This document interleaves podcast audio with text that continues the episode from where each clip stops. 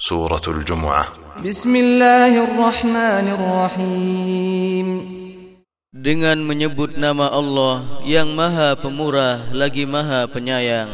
يسبح لله ما في السماوات وما في الأرض الملك القدوس العزيز الحكيم Senantiasa bertasbih kepada Allah apa yang ada di langit dan apa yang ada di bumi Dialah Raja yang Maha Suci, yang Maha Perkasa lagi Maha Bijaksana. هو الذي بعث في الأميين رسولا منهم يتلو عليهم آياته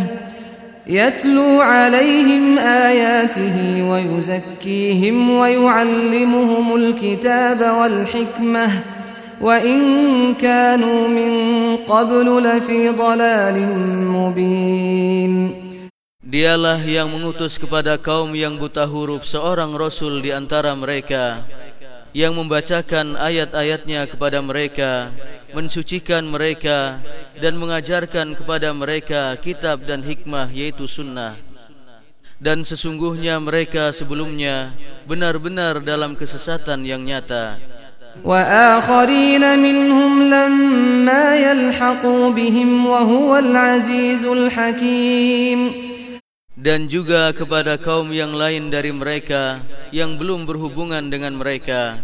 dan dialah yang maha perkasa lagi maha bijaksana ذلك فضل الله يؤتيه من يشاء والله ذو الفضل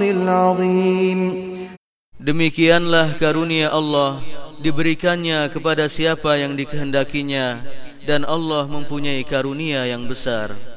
مثل الذين حملوا التوراة ثم لم يحملوها كمثل الحمار يحمل أسفارا بئس مثل القوم الذين كذبوا بآيات الله والله لا يهدي القوم الظالمين Perumpamaan orang-orang yang dipikulkan kepadanya Taurat, kemudian mereka tiada memikulnya, adalah seperti keledai yang membawa kitab-kitab yang tebal. Amatlah buruknya perumpamaan kaum yang mendustakan ayat-ayat Allah itu dan Allah tiada memberi petunjuk kepada kaum yang zalim. Qul ya ayyuhalladzina hadu in za'amtum إن زعمتم أنكم أولياء لله من دون الناس فتمنوا الموت فتمنوا الموت إن كنتم صادقين Katakanlah, hai orang-orang yang menganut agama Yahudi,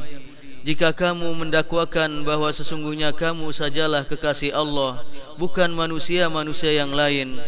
maka harapkanlah kematianmu jika kamu adalah orang-orang yang benar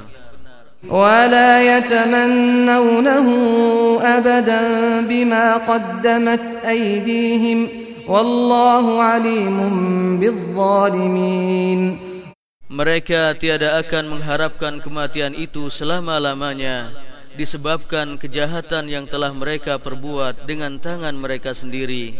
dan Allah Maha mengetahui akan orang-orang yang zalim.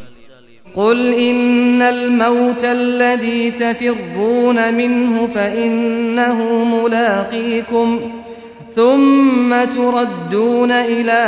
alimil ghaibi wasyahadati fayunabbi'ukum bima kuntum ta'malun. Katakanlah,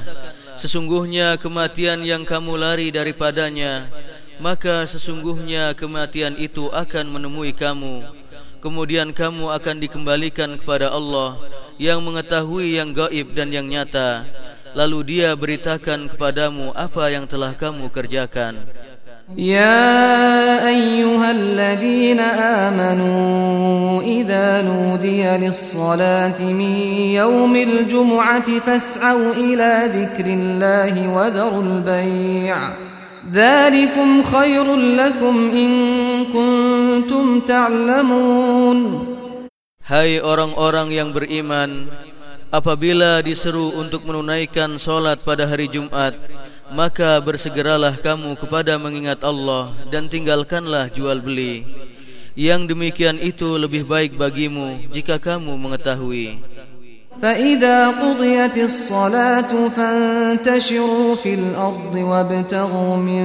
فضل الله واذكروا الله كثيرا لعلكم تفلحون Apabila telah ditunaikan solat,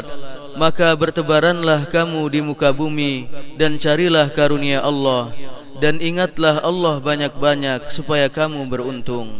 وإذا رأوا تجارة أو لهوا انفضوا إليها وتركوك قائما قل ما عند الله خير من اللهو ومن التجارة والله خير الرازقين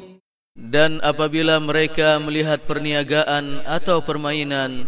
Mereka bubar untuk menuju kepadanya dan mereka tinggalkan kamu sedang berdiri berkhutbah. Katakanlah, apa yang ada di sisi Allah adalah lebih baik daripada permainan dan perniagaan. Dan Allah sebaik-baik pemberi rizki.